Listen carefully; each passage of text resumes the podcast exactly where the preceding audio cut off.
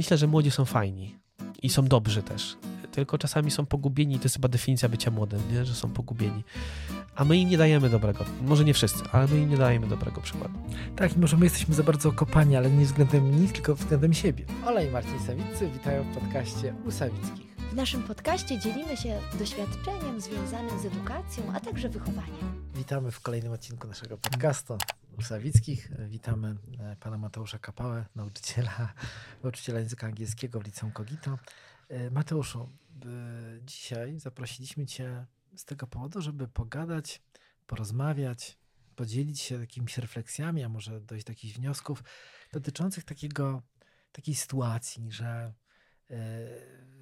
my jako rodzice czy jako nauczyciele wyrastaliśmy w jakiejś tam w jakiejś kulturze, w jakiejś obyczajności. I teraz przychodzą kolejne pokolenia.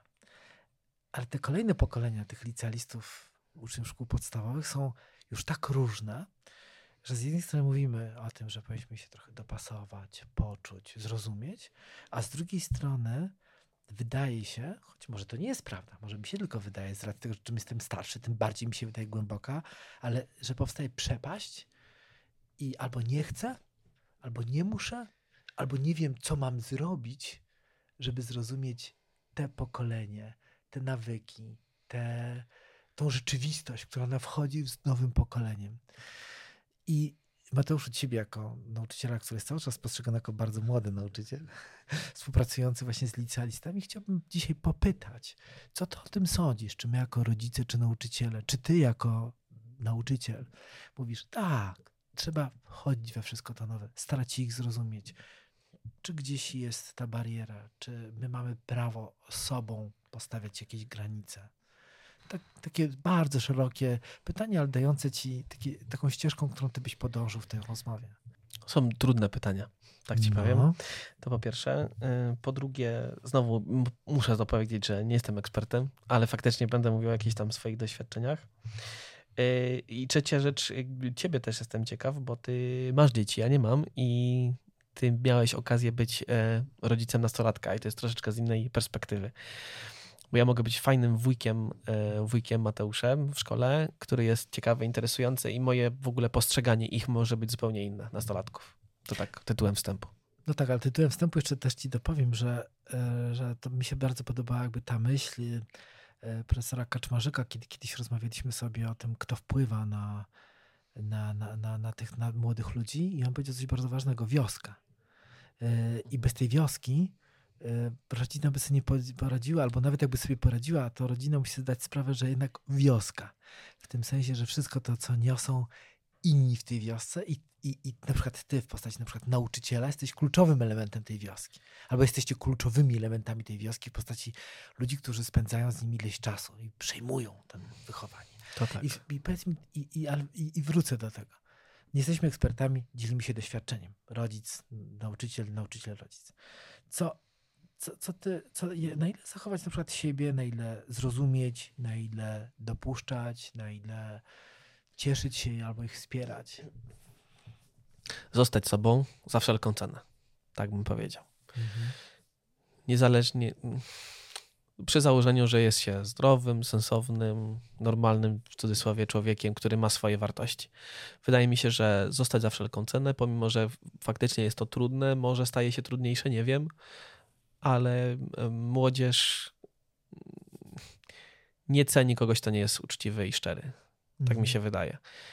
Więc nawet jeśli się ze mną może nie zgadzać, to jeśli mnie będzie szanowała, to będzie szanowała za to, że jestem uczciwy i szczery i, i po prostu.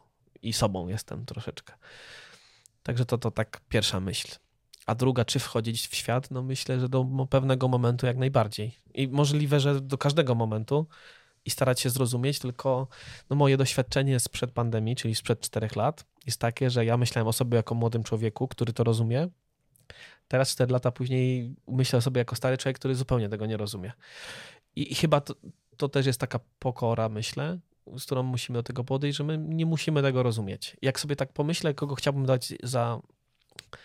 Jakie relacje dać za wzór, tak sobie myślimy często, że pokolenia y, między sobą często się nie dogadują, ale co drugie pokolenie się dogaduje. Że Jak Mhm. sobie popatrzymy na wnuków i dziadków i Mhm. babcie, no to oni często się lepiej dogadują niż z rodzicami. No i teraz kwe- kwestia dlaczego? Przecież to nie jest tak, że babcia lepiej rozumie młodego człowieka niż rodzic. Tak mi się wydaje, nie? Że jest jakaś taka Mhm. tylko to podejście babcino dziadczyne jest chyba inne. Jest pełne miłości, takiej, nie chcę powiedzieć akceptacji w pełni, tylko jest taki pełny miłości. Zazwyczaj, no nie? Takie, jak sobie myślę o jakimś takim stereotypowym i w sytuacjach, w których ja biegłem do babci, to to, to były takie sytuacje. A może to wynika trochę z tego, że ta różnica z jednej strony jest tak duża, że w pełni rozumiesz, że to już jest zupełnie inne pokolenie i nie masz takich oczekiwań, że on musi się, ja muszę się do niego, a on do mnie dostosować i wtedy to, co możemy sobie dać, to jedynie już i może przede wszystkim ta, ta miłość, cierpliwość i po prostu czas na czas na przykład, Mhm. a, a z kolei my jako rodzice czy nauczyciele jesteśmy jeszcze na tyle blisko, że usiłujemy jakoś kruszyć yy, te obyczajności czy zwyczaje, które powstają. To jest fajna myśl, ja sobie ją wezmę. Że może, no tak, że akceptacja tej różnicy. No Marcin, py- pytanie też do ciebie. Wiesz, co to jest TikTok? Przepraszam, ja nie chcę obrażać, wiesz, co to jest TikTok. Tak. Ile siedzisz na tym, spędzasz na tej platformie czas? No, na TikToku w ogóle. W ogóle, nie? A Instagrama, przepraszam, nie musisz mi mówić, nie? Ale na Instagramie? Zaglądam, jak dzieci, tam moja Zaglądasz. córka jak tam coś umieszcza filmy, coś upiecze, to, Czyli, to czyli tam dziennie powiedzmy spędzasz w godzinach czy w minutach? na Instagramie to ze 3-5 minut Minut, dziennie. no, I no to i- co któryś dzień. No i teraz y, jest już pokolenie, które teraz jest nastolatkami, czyli ma te 14-15 lat i przechodzi do klasy pierwszej i TikTok to jest ich główne źródło informacji i rozrywki. I oni tam spędzają po 3, 4, 5 godzin dziennie. Czyli są w jakimś takiej przestrzeni, której ty nie ogarniesz, ja nie ogarniam. Nie ma szans po prostu, nie? Y, jakby to samo w sobie powoduje jakby brak trochę zrozumienia, nie? Ja próbuję, próbowałem za tym nadążać, natomiast mm, nie ma szans. I to jakby z jednej strony nic nie zmienia, no bo nie zmienia, z drugiej strony wyobraź sobie, że jedyne twoje źródło informacji to są krótkie, sześciosekundowe filmiki, nie? To już jakby na poziomie ciekawości e, ja się, ja się czasami nudzę, jak filmik trwa 5 minut, Mhm. nie? A jestem, dobra, nieważne ile lat starszy już od tych ludzi, którzy są w liceum teraz, nie? I wydawało mi się, że jakby jestem na tym samym poziomie, ale, ale już nie jestem. Już nie jestem. Y, No dobrze, ale to jakby opisujemy to, ale generalnie każdy jakby na różne sposoby może to opisywać, ale jest takie pytanie jakby co z tym robić? Y, Bo, y, bo to jest tak, że od takich pytań typu y, wypracowanie napisała mi sztuczna inteligencja. Jest napisała mi. Jeżeli ona jest, to uczeń pyta, skorzystałem z niej. Okazuje się, że dostałem trójkę, czwórkę czy piątkę. W czym jest problem? Bo, bo problem polega na tym, on nie rozumie, w czym jest problem. I czy mamy zacząć się przestawiać i inaczej formułować zadanie i to, co mamy robić? Czy mamy. A czy po prostu tak czysto technicznie powiedzieć, że nie zadajemy prac domowych do domu, bo tam się może to odbywać. Siedzimy i liczy się to, co zrobiłem w czasie rzeczywistym. To trochę nawiązuje do organizacji szkoły na przykład. Czy wtedy szkoła nie jest tą przestrzenią w cudzysłowie bez TikToka, gdzie pewne rzeczy dzieją się naprawdę, typu myślimy, zastanawiamy się, przypominamy sobie myśli i sami je układamy i to jest jedyna gwarancja i szansa. Tu nie chodzi o złą wolę, bo mam wrażenie, że on może nie rozumieć, dlaczego nie może z, z tego GP coś tam skorzystać? Chat GPT. No tak, znaczy tutaj y, ja przestałem zadawać takich zadania domowe na, na zasadzie y, tłumaczenia w momencie, kiedy wyszedł Google Tłumacz. Tak. Jakby już kilka lat temu. Jakby nie widzę sensu. Mhm. I to nie, właśnie znowu nie, nie podejrzewając wszystkich o ściąganie, tylko ta pokusa musi być tak mocna, że ja sobie nie wyobrażam, że ja bym się oparł, więc nie zadaję, bo po co. Y, I, I stawiam tylko na to, co się dzieje w czasie rzeczywistym. Jeśli mam z jakąś grupą albo z ludźmi takie troszkę inne, na przykład, no właśnie, przygotowaliśmy się do matury, nie? No to mi napisz mi wypracowanie, siądź w domu i napisz. Jak napiszesz na, na tłumacz, no to to jest jakby twoja sprawa, no i tak to sprawdzę, dostaniesz piątkę, no i, no i tyle, nie? Nie dostaniesz żadnej informacji zwrotnej, jakby twoja strata. Ja się na to godzę, no bo, no bo albo mamy relację trochę zaufania, i, no albo jej nie mamy, więc... więc tak. Tak, bo to jest inne pytanie. Czy za chwilę nie powstaną aplikacje, które pozwalają nam, nauczycielom, rzucać to, niech ktoś to sprawdzi, prawda? No tak, no, no. E, A, trzeciej strony, a z trzeciej strony, ktoś mi, jeden z uczniów powiedział coś takiego. Wy mówicie nam, że korzystamy z czatów GPT, a sami macie gotowce dotyczące sprawdzianów, wypracowań, kluczy do wszystkiego. Tak. I kto to opowiada o tym, a, a, a, i, wtedy, I wtedy tam padła odpowiedź, że jakiś nauczyciel odpowiada, no ale wiecie, no my już umiemy, my was mamy nauczyć. Ale czy to jest prawda? Gen, gen, generalnie powiedziałeś taką fajną myśl na samym początku, że y, młodym ludziom imponuje albo ma dla nich znaczenie prawda. Y, I ta prawda jest po obu stronach, bo oni korzystają z jakichś ułatwień, ale my czasami też do absurdu sprowadzamy granice ułatwień, czy producenci, wydaw wydawcy podręczników tworzą nam gotowe konspekty lekcji. My się zastanawiamy, co mamy. Gro nauczycieli, sorry, korzysta z gotowych e, konspektów lekcji, korzystamy z e-dziennika, czyli też ułatwiamy sobie życie. Ja zadaję pytanie, dlaczego my nie mamy mieć ułatwionego życia? No i znowu dochodzimy do, tak, do takiego pytania, po co jest szkoła i co ona ma przynosić. No bo jeśli ma przynosić wyuczoną wiedzę, no to nie, już dawno przestała, myślę. Y, co jest celem szkoły? No co, no co, no nie wiem. I jakby to jest trudne dla mnie nawet odpowiadanie na to pytanie, bo, bo nie wiem, jaka jest przyszłość szkoły i co powinno się zmienić. No nie? tak, ale, tak, ale z takimi pytaniami dotyczącymi tego, jak zbieramy informacje, czy tworzymy rzeczy, spotykamy się nie tylko w szkole, ale także w rodzinach, w różnych innych sytuacjach, no nie?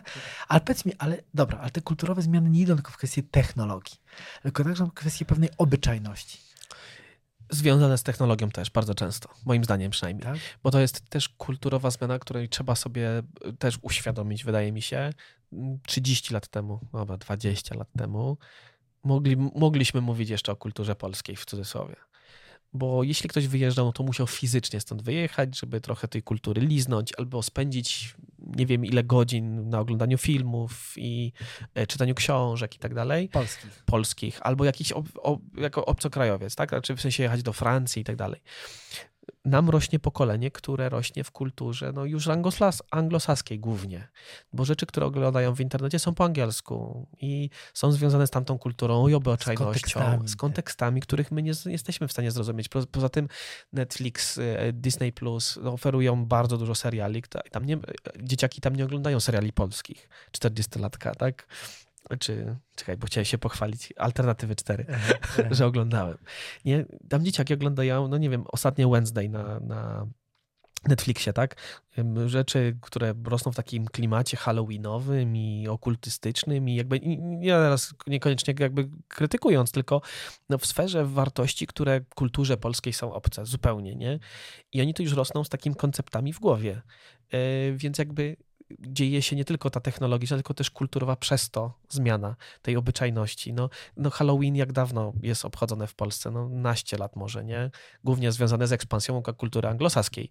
Tylko teraz te dzieciaki już rosną z tym. Mhm. To są wychowane, wyssane z mlekiem matki praktycznie. I z, i z tym, z tą komórką w ręce.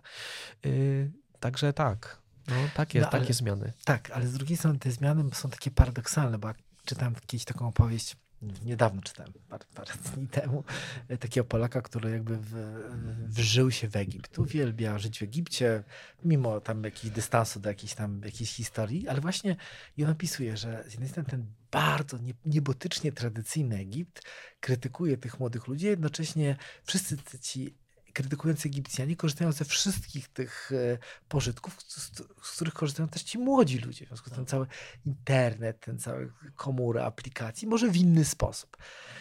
I nie ma takiej konsekwencji, że to odrzucamy wszystko i żyjemy sobie tak, jak żyliśmy kiedyś, bo jesteśmy tacy tradycyjni.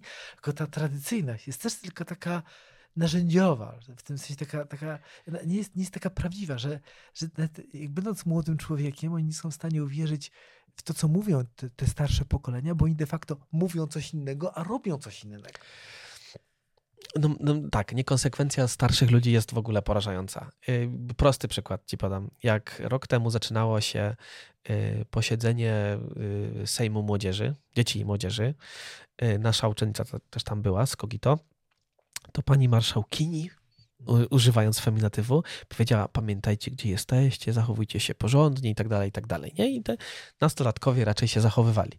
W tym roku y, liceum Kogito jedzie na wycieczkę do Sejmu i co robi marszałek Sejmu? Nie podnosząc głowy z nad komórki, wita uczniów Kogito. Sędziowie, sejmo, y, posłowie, którzy siedzą w, w, swoich ławach, używają komórek, grają jakieś tandetne gry i, i, i ko, ko, kogo ja jako nauczyciel mam dawać im za wzór? Tych gości tam siedzących? cytując pana Cejrowskiego, chłoptasiów, no, no nie bardzo, nie? No więc, więc kogo mam dawać za wzór? Wydaje mi się, że trzeba pierwsze od siebie wymagać, a potem wymagać od młodzieży. To troszeczkę, ja wiem, wyleję, wyleję frustracje swoje, no ale służba zdrowia na przykład jest dobrym przykładem. Lekarz, jakaś taka estyma, prawda? Historie, które ja słyszę od dzieciaków, jak są traktowani przez lekarzy, no jest przerażająca. Więc to chyba trzeba jednak my się musimy ogarnąć i my jak będziemy ogarnięci, to możemy trochę w ten świat młodych wchodzić i starać się być jakimś takim przykładem, powiedzmy. No. Czy, czy, czy po tym, co powiedziałeś, można to w ten sposób mm, podsumować, że jak dla jakichkolwiek celów politycznych, niepolitycznych chcemy bić na alarm, że jest tak strasznie z młodzieżą, to oczywiście znajdziemy teoretycznie powody i przykłady, ale tak naprawdę jakby się przyjrzeć sobie, to równie dobrze w drugą stronę młodzi ludzie mogliby pobić takim gongiem, bo, bo, bo my jako niby teoretycznie dojrzali, czy starsi ludzie też nie zachowujemy się dużo lepiej. I to często mówimy, ach, ta dzisiejsza młodzież, ale jak sobie tak, ach, ci dzisiejsi dorośli. Krótkie historie dzieciaków, które opowiadamy sobie rano, bo wszyscy trochę śpimy, więc po angielsku, jak się dostać do szkoły ilość sytuacji, w których oni są źle traktowani przez kierowców autobusów, przez ludzi stojących na, na przystankach, przez ludzi pijanych rano na przystankach, no jest przerażająca. Więc to nie jest tak, że oni są jacyś gorsi, tylko my chyba trochę tak idziemy w dół. Chociaż nie wiem, bo nie wyżyłem tam 50 lat temu, nie? Mhm. Więc ale natomiast się zmienia. No, zmienia się też ta kulturowość, bo my wyrośliśmy w polskiej kulturze, a oni już nie rosną do końca w polskiej kulturze. Tak, ale teraz jakby tak posuwać się jakby krok dalej, w sensie jakby co z tym zrobić, to po prostu dostosować się no, no nie, zostać sobą za wszelką cenę, co jest bardzo trudne.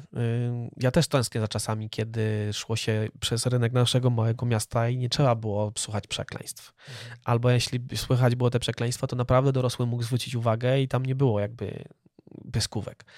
Natomiast teraz jak idę, to to jest to przerażające. Ale co zrobić? Y, myślę, że nie, za wszelką cenę się nie dostosowywać, być sobą, być wierny tym wartościom, które chcemy przekazać, o ile je chcemy, jakieś tam mamy. Tak, ale z drugiej strony, ja bardzo jestem pod wrażeniem takiej książki, którą przeczytałem, Leniwy Umysł. Leniwy Umysł. Leniwy Umysł.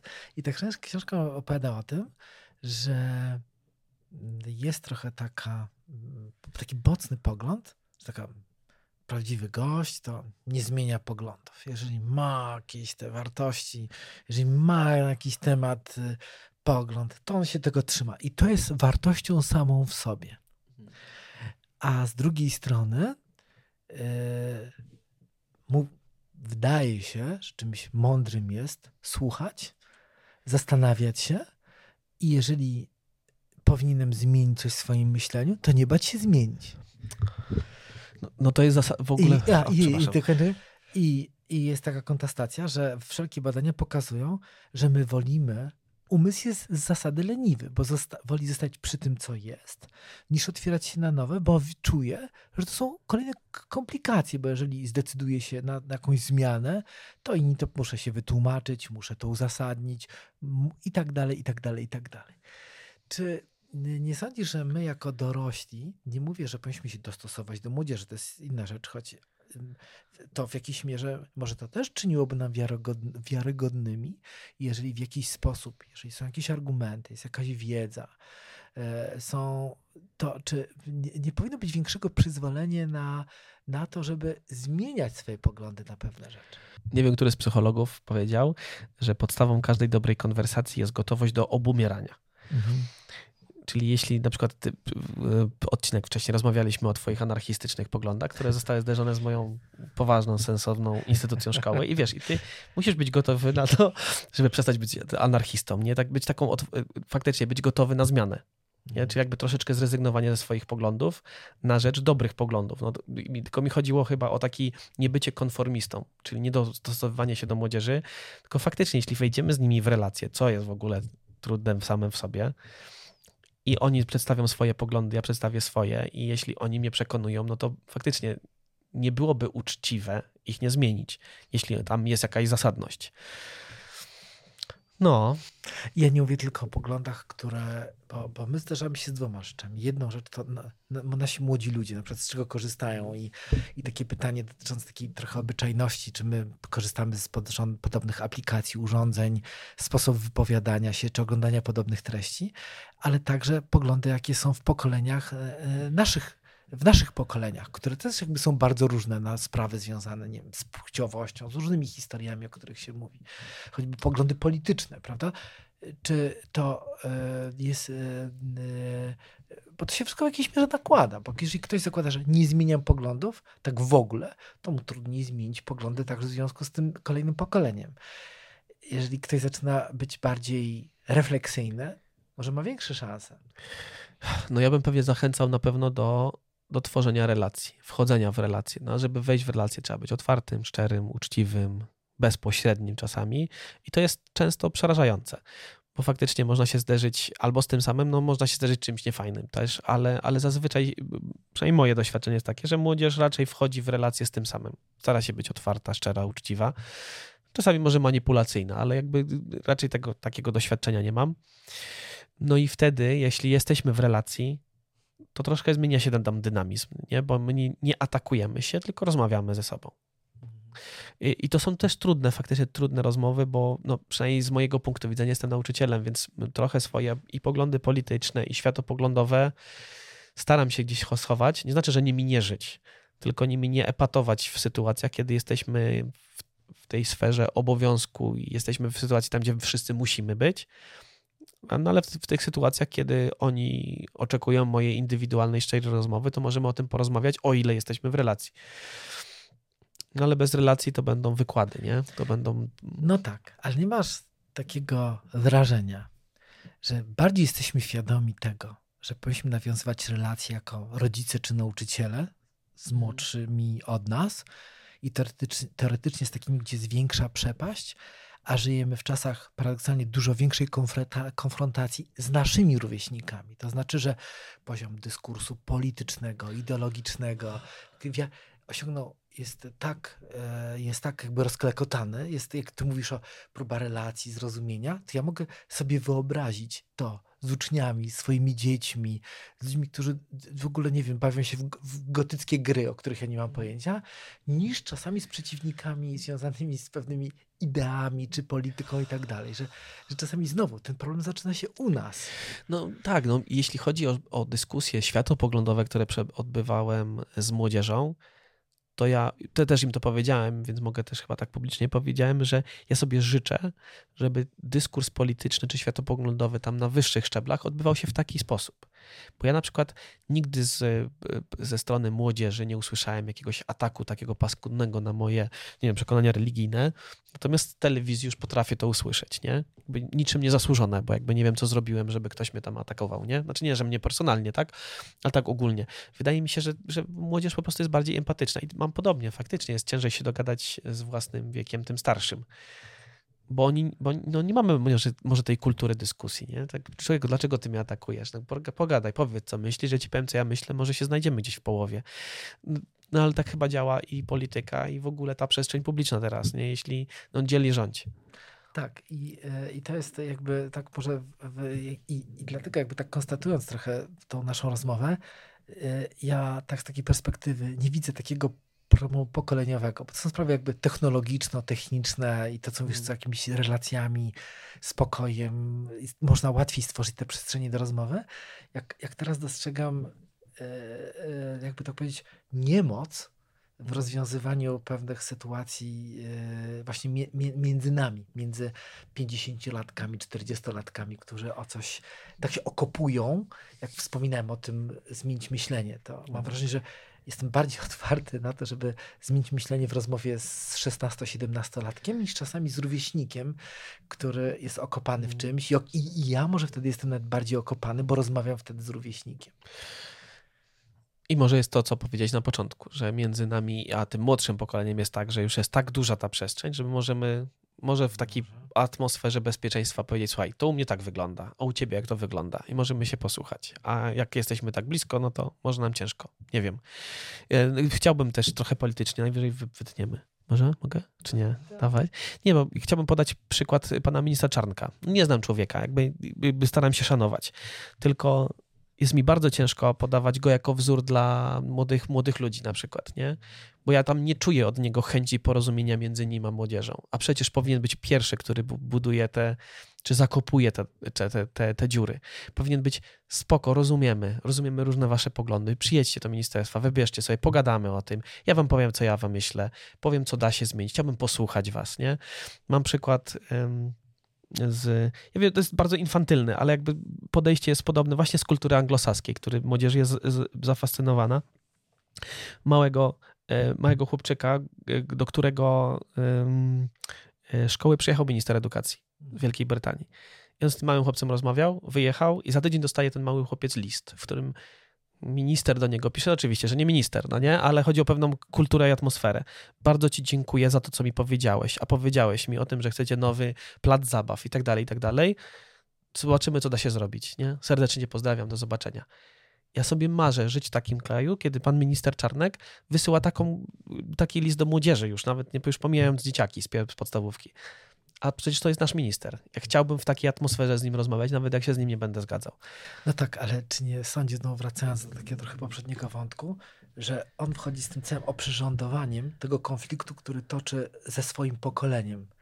I to trochę, i, i to jest indukowane tej młodzieży. Ta młodzież nie widzi w nim osobę, która się nachyla do porozumienia, bo on tak samo rozmawia jak ze swoim poli przeciwnikiem politycznym tej samej generacji. I chyba o to mam złość jakby nie tylko do niego, czy nawet do tej partii politycznej, czy jakiejkolwiek innej, tylko do tego podejścia jestem ministrem. Minister chyba pochodzi z łaciny, że służę, sługa. Jakby życzliwość i empatia, o której ci mówiłem, nie? Życzliwość i chęć pomocy. Te dwie rzeczy. I okej, okay, niech będzie politykiem tam na górze, ale tu do nas Bądź taki. No. Czyli, czyli Mateusz, tak znowu, tak reasumując naszą rozmowę, nie powinniśmy się tyle martwić, czy nadążymy, czy nie nadążymy za młodzieżą, powinniśmy się bardziej martwić e, jakością relacji i umiejętnością słuchania siebie w pokoleniach, które jesteśmy, bo tak naprawdę to jakby sposób indukuje to, jak ci ludzie młodsi będą między sobą rozmawiać. Jak możemy wymagać od nich, skoro my nie możemy? Ten, to jest raz. Ja ci dziękuję, bo tak sobie tego nie uświadamiałem. Jak dwa takie proste pytania. Y, ja, jeśli widzimy wolontariuszy Wielkiej Orkiestry, Orkiestry Świątecznej Pomocy, to to tam jest? Młodzi ludzie czy, sta, czy starsi? Raczej młodzi, nie? Jeśli są jakieś akcje, ja sobie tak pozwolę ze swojego podwórka, nie przykościelne, to tam są raczej ludzie młodzi. Może teraz się to trochę zmienia. Myślę, że młodzi są fajni i są dobrzy też. Tylko czasami są pogubieni i to jest chyba definicja bycia młodym, nie? że są pogubieni. A my im nie dajemy dobrego, może nie wszyscy, ale my im nie dajemy dobrego przykładu. Tak, i może my jesteśmy za bardzo okopani, ale nie względem nich, tylko względem siebie. I za to Ci dziękuję, bo faktycznie tak może być. Mateusz, bardzo dziękuję za tą rozmowę.